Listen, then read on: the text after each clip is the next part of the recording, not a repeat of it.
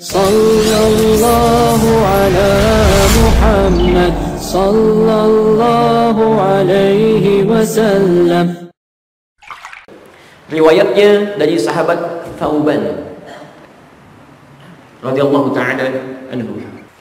Teman-teman, sebelum saya terangkan riwayat ini, saya mau sampaikan dulu siapa beliau ini. Dan ini spesialisasi masjid. Sahabat spesialisasi masjid dan amalan-amalan ibadah. Makanya kalau antum ingin mencari amalan terbaik di masjid, ini dekati sahabat Nabi, Thauban. Ya, seorang yang membantu Nabi, kemudian dibebaskan oleh Nabi Sallallahu Alaihi Wasallam untuk bisa lebih luas ibadah dan ilmu Nabi. Teman-teman, saya persingkat sejenak karena waktu kita sangat terbatas. Thauban ini punya kecintaan yang dalam terhadap Rasulullah SAW di antara para sahabat yang sangat mencintai Nabi. Bahkan saking cintanya dengan Nabi, itu fisiknya menjadi kurus, kurus. Kemudian satu kali terlihat oleh Rasulullah SAW di masjid ditanya, bahasa kita kenapa anda menjadi kurus begini? Kata Thauban ya Rasulullah SAW, ya, saya bukannya dalam keadaan yang lemah untuk gak bisa makan. Saya juga bukan lemah untuk tidak bisa menunaikan ibadah dan bukan juga lemah untuk berjihad. Maksudnya kalau saya menunaikan ibadah itu insya Allah saya kuat. Tapi saya menjadi begini, kurus begini karena selalu memikirkan kerinduan pada anda. Jadi setiap siang datang, beliau ini berpisah dengan Nabi di siang itu, itu selalu memikirkan kapan lagi ya Allah saya rindu ketemu Nabi, kapan lagi saya jumpa dengan Nabi itu. Saking indahnya akhlak Nabi, indahnya perhatian Nabi, indahnya kasih sayang Nabi. Dipisah sedikit saja, rindunya luar biasa. Dan kalau saya ketemu malam, saya sudah tidak sabar menunggu esok bagaimana saya bisa bertemu lagi dengan Nabi SAW.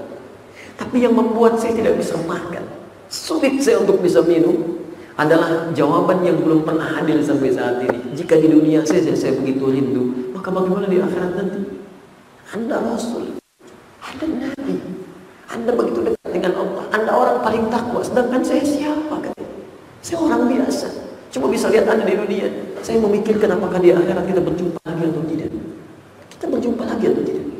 Anda bayangkan teman-teman, sahabat Nabi saja yang pernah jumpa sebentar dengan Nabi. Begitu merindukan berjumpa dengan Nabi di akhirat. Sampai katakan, ya Rasulullah, Anda itu orang dekat dengan Allah. Paling mulia. Saya di mana surganya? Gak mungkin bisa lihat Anda nanti. Bagaimana? Maka bagaimana dengan kita yang tidak pernah berjumpa dengan Nabi di dunia ini? Bagaimana peluangnya?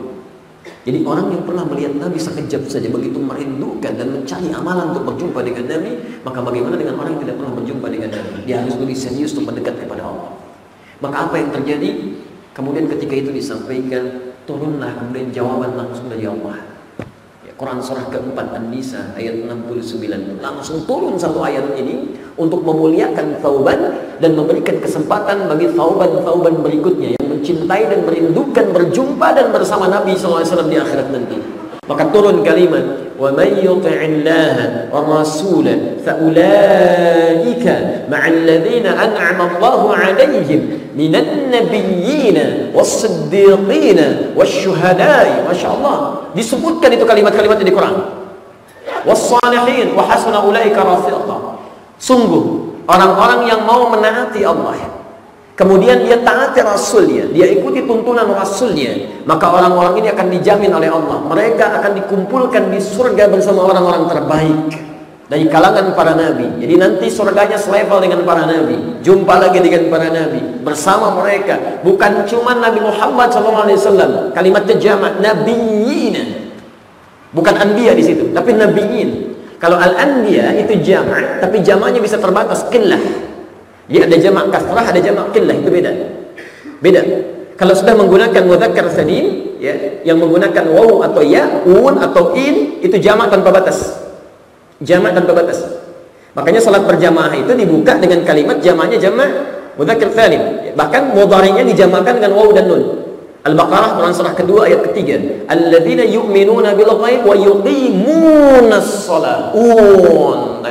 Tunaikan sholat bersama banyak orang tanpa batas. Ayo cari yang banyak jamaahnya supaya menggetarkan hati kita. Dan ini isyarat. Kalau bisa makmurkan masjid, berbondong-bondong ke masjid. Ayo. Masa ke tempat wisata bisa bermacet-macet ria, padat luar biasa ke masjid yang akhirat kita antum kosong kan? Berikan getaran itu akan lain getarannya. Gak percaya silakan. Besok subuh datang antum berbondong-bondong ke masjid itu. Hadirkan, nikmati suasananya. Itu akan ada getaran luar biasa dalam jiwa. Dan kalimatnya jamak, nggak usah dibatasi. Ayo hadirkan, semangati. Ayo, yang punya wewenang di sini bikin surat. Teman-teman kunjungi satu dengan yang lain. Ayo hidupkan masjid, hidupkan masjid. Jangan cuma subuhnya.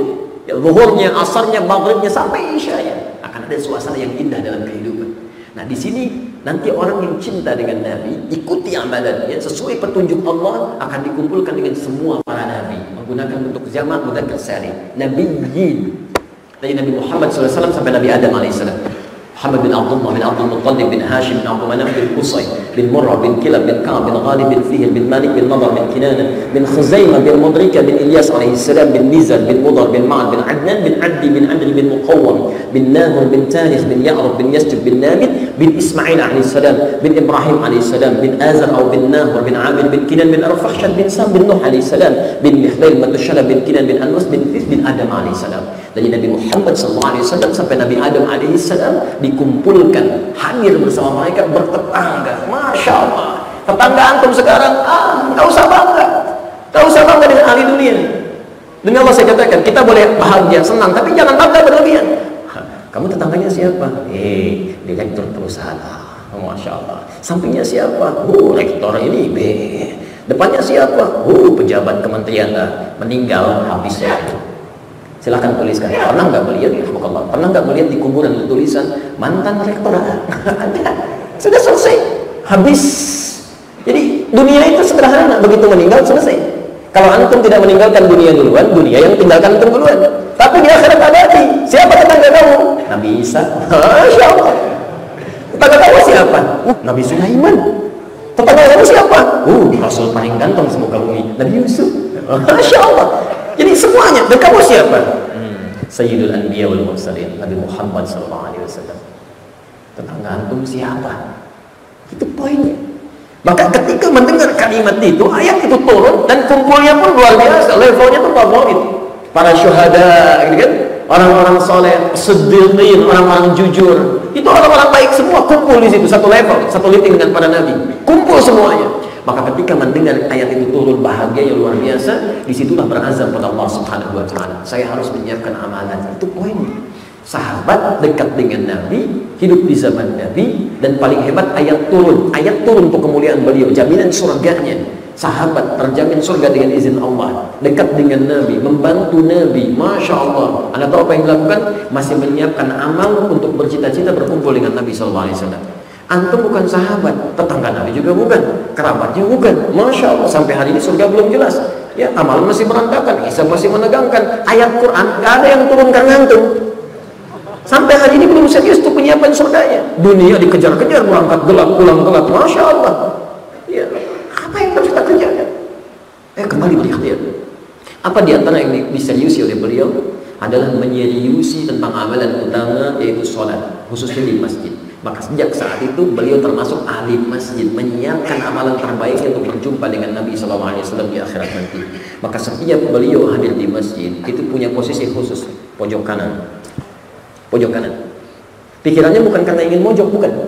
Karena beliau meyakini bahwa kalau saya berada di pojok kanan itu cukup baik. Pertama bisa khusyuk di situ, tidak terlalu banyak terganggu orang. Yang kedua nggak ganggu orang. Ini nggak ada peluang-peluang. Ya, mau ngobrol misalnya, samping kirinya nggak terlalu banyak tegur, samping kanannya pelepah kurma. Mau ngobrol apa dengan pelepah kurma? Ya kan? Kosong di sini. Kalau antum duduk di tengah, ah itu masya Allah banyak peluangnya. Depan begitu begini, lihat teman gambarnya beda gitu kan, bisa komentarin, setan muncul. Kanan lagi bisa teman yang lain, kiri teman yang lain, belakang ada yang negor, macam-macam. Bukan berarti tidak boleh, tidak. Tapi yang saya ingin maksudkan, sahabat terbaik ini mencari posisi yang bisa khusyuk dalam ibadah. Ayo ambil poin ini. Ya tidak semua harus di pojok kanan. Kalau anda merasa bisa khusyuk di belakang imam, ayo belakang imam. Ya, bisa khusyuk pojok kiri, pojok kiri. Ambil sab yang terbaik. Yang nggak jelas itu pojok nggak jelas, pojok di belakang gini, kan? Oh, tenang banget ada AC, wah tidur, masya Allah. Begitu komat masih tidur aja, orang sudah selesai jamaah, masya Allah baru bangun. Baik, ada kejadian kan pernah saya ditanyakan, mungkin cerita saja itu ya. Baik, Allahu Akbar. La haula wala quwwata illa billahil aliyil azim. Datang Jumatan. Begitu Jumatan heboh nih. Ya, heboh dia. Wah, ini di masjid ini aneh Jumatannya katanya kan. Apa yang terjadi? Kok Jumatannya kok uh, saya datang ke situ tiba-tiba ujuk-ujuk langsung komat aja. Komat, eh, sholat aja. Mana khutbahnya? Rupanya bukan orang gak dengar khutbah, dia ketiduran. Jadi datang Jumatan, dia tidur, tiba-tiba langsung sholat gitu kan. Yang lain ikut khutbah dan sebagainya. Ada yang keliru di sini. Ada yang keliru ya. Ayo kita perbaiki. Nah, saya mau teruskan sebentar. Beliau duduk di pojok kanan, selalu hadir di majlis Nabi, di masjid Nabi, bahkan subuh pun datang. Satu ketika, ini poin yang harus anda catat. Beliau tidak hadir di masjid. Tidak kelihatan. Pojok kanan kosong. Dan Nabi paham. Ke mana Thauban? Orang boleh tanya, nggak tahu ya Rasulullah. Tidak ada yang mengetahui. Lalu kemudian ditunggu sholat subuh sampai ditunggu demi kedatangan manusia yang luar biasa ini. Sahabat yang mulia ini. Allahu Akbar sudah agak lama belum datang maka diputuskan tunaikan sholat. Nabi pimpin, sahabat jadi makmum, selesai. Kata Nabi kita tengok sahabat kita ini ke mana beliau? Itulah yang dimaksud dengan jamaah. Ini paham siapa yang datang, diketahui. Tahu yang sakit, jenguk, yang kurang tutupi, kan? Yang butuh sampaikan. Jadi kalau antum sholat berjamaah, jangan cuma numpang sholat formalitas kurang. Kenali siapa yang ada di samping kita. Mahasiswa, dosennya datang, komunikasi bisa di masjid. Yang kurang usaha, pengusaha datang ke masjid, diberikan solusi di situ. Hadir semuanya, itu yang diinginkan. Jadi begitu ditengok berangkat sama-sama diikuti tempatnya. Tahukah antum berapa jarak jarak masjid ke rumahnya itu? Tiga jam. Dikonversi ke waktu kita tiga jam. Di dari masjid ke rumah beliau tiga jam. Berapa jaraknya? Jangan bayangkan punya motor, punya kendaraan seperti mobil. Dan mobil, motor sampai sepeda enggak, jalan kaki. Sahabat Nabi mau ke masjid, jarak rumah jauh ke masjid, tiga jam jalan kaki. Masjidnya jangan bayangkan seperti sekarang, alasnya cuma tanah, tiangnya pelepah kurma, atasnya daun-daun kurma. Allahu Akbar masih mau ke masjid demi ingin bertemu Rasulullah SAW. Cita-cita ingin bersama Nabi di surga, menempuh jalan kaki. Yang kalau panas kepanasan, dingin kedinginan, hujan pasti bocor, masih mau ke masjid. Masih mau ke masjid. Antum ada di mana gitu kan? Sahabat Nabi bukan. Jarak rumah ke masjid begitu dekatnya, yang jauh ada kendaraannya, masjidnya enak, karpetnya nyaman, baru diganti, kelengkapannya mudah, AC-nya ada, kajian nyaman, ustaz datang sendiri, direkam lagi, live juga, ada semuanya. Belum dengan semua itu belum mau ke masjid juga, antum butuh apa lagi? Dan paling aneh, cita-cita ingin masuk surga nggak tanggung surga Firdaus bersama Nabi Alaihi Wasallam. Malahnya di mana? Karena itu kita kembalikan coba kita ukur. Ahli surga masih serius, yang belum jelas surganya nyantai aja, masya Allah. Hati-hati. Kalau masalah dunia jangan banyak dipikirin. Macet dunia biarin nanti daripada nggak macet di akhirat. Dunia biarin macet ini dunia daripada akhirat macet. Sesuai canda kalau dengan teman-teman, Ustaz macet nggak apa-apa, ntar di akhirat kita susul. Sudah. Ya kan hidup tuh begitu kan? Ya tidur, bangun, mandi, ibadah, macam-macam selesai meninggal, udah kan? Ya masuk surga ya alhamdulillah gitu kan. Jadi itu yang yang harus kita siapkan. Nah, singkatnya sampai ke rumahnya itu bertemu dengan uh, ahli baitnya di rumah ada istri yang mengatakan ya intinya beliau meninggal dunia. Meninggal dunia. Jadi selama hidup ke masjid yang memisahkan beliau dengan masjid cuma maut. Maut dipisahkan oleh maut meninggal. Nabi SAW menyampaikan bertanya, apakah ada sesuatu yang terjadi sebelum meninggalnya? Nah, ini, ini sebagai pelajaran untuk para sahabat dulu dan untuk kita. Kata istrinya, saya tidak tahu kecuali saya mendengar kalimat-kalimat sebelum meninggal. Apa kalimatnya? Beliau berteriak mengatakan, Ya Allah, kenapa nggak lebih jauh lagi? Katanya. Satu. Yang kedua, Ya Allah, kenapa bukan yang baru saja? Kenapa bukan yang baru, Ya Allah? Kenapa? Nggak lebih jauh lagi? Nabi tersenyum. Sahabat heran. Lalu Nabi menyampaikan, tahukah kalian ketika beliau mengatakan, kenapa tidak lebih jauh lagi? Karena di penghujung akhir kehidupan kita itu amal-amal akan ditampakkan. Nanti insya Allah saat sakaratul maut sebelum meninggal dunia itu akan ditampakkan segala hal terkait dengan kehidupan kita. Makanya orang-orang baik akan tenang keadaan hidupnya. Begitu mau meninggal tenang karena amal-amal ini ditampakkan yang baik-baik, pahala-pahalanya, amalan mulianya. Makanya panggilan kematiannya tenang. Ya ayyatuhan nafsul mutmainnah, hei jiwa yang tenang.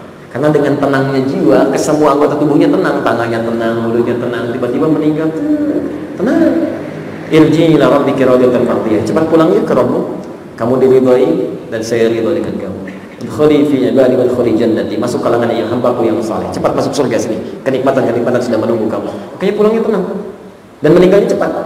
Di orang-orang yang beramal saleh itu meninggalnya cepat. Jadi kalau antum ingin cepat meninggal, ya, eh beramal saleh, tingkatkan kebaikan pada Allah. Nyaman itu.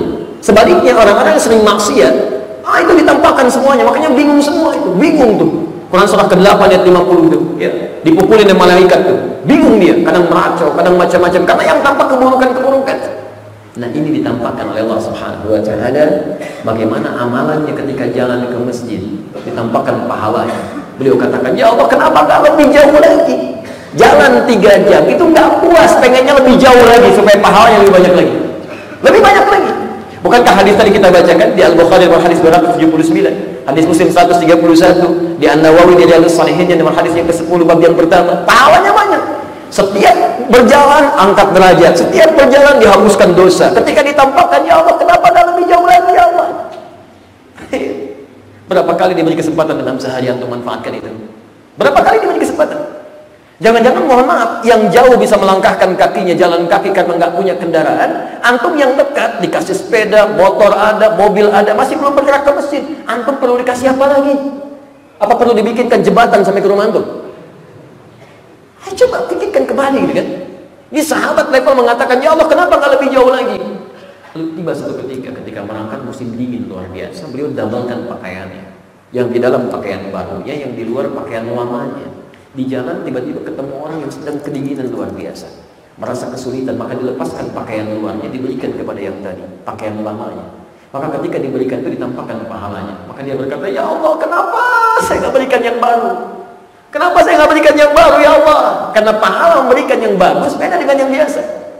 Makanya ketika antum mau infak, kaidah Qurannya berikan yang terbaik. Quran surah kedua Al-Baqarah ayat 215, posisi paling kanan sebelah bawah. Yas'alunaka madza yunfiqun. Mereka bertanya pada Muhammad apa yang diinfakkan. Qul ma anfaqtum min khair. Katakan kalau mau infak yang terbaik, yang paling bagus, pahalanya lebih bagus. Ya Allah, kenapa bukan yang bagus saja? Sakaratul maut masih menyesal. Meninggal pun ada yang menyesal juga. Fa asaddaqa wa aqum minas salihin. Ya Allah berikan kesempatan supaya saya bisa beramal saleh. Jadi mohon maaf ya, orang meninggal itu menyesali kenapa enggak dimanfaatkan usianya. Kita sekarang masih hidup, mumpung belum meninggal. Mumpung belum meninggal. Ya. Dan makanya dari malamnya rencanakan amalan apa besok yang mau dikerjakan. Ayo, jadi kalau misal tadi belum sempat sholat sunnah sempurna, besok catat. Saya jamaah harus lima waktu. Tadi tiga kali, besok lima waktu. Catat di mana aktivitas saya, mana masjid terdekat. Saya harus ada di situ. Hafalkan waktu sholat. Bukan cuma waktu bola aja, bola dihafalin, sholat enggak gitu kan? Hadirkan waktu sholat sekian, sekian, sekian, sekian, sekian. Di mana saya berada, sunnahnya mana? Baca Quran enggak? Tadi baca Quran enggak? Kalau enggak besok rencanakan mau berapa ayat? Udah hafal belum? Ya, ayo rencanakan setiap hari satu ayat, satu ayat, satu ayat. Alhamdulillah punya amalan yang baik. Dan tampilkan kebaikan-kebaikan itu di hadapan Allah Subhanahu wa taala.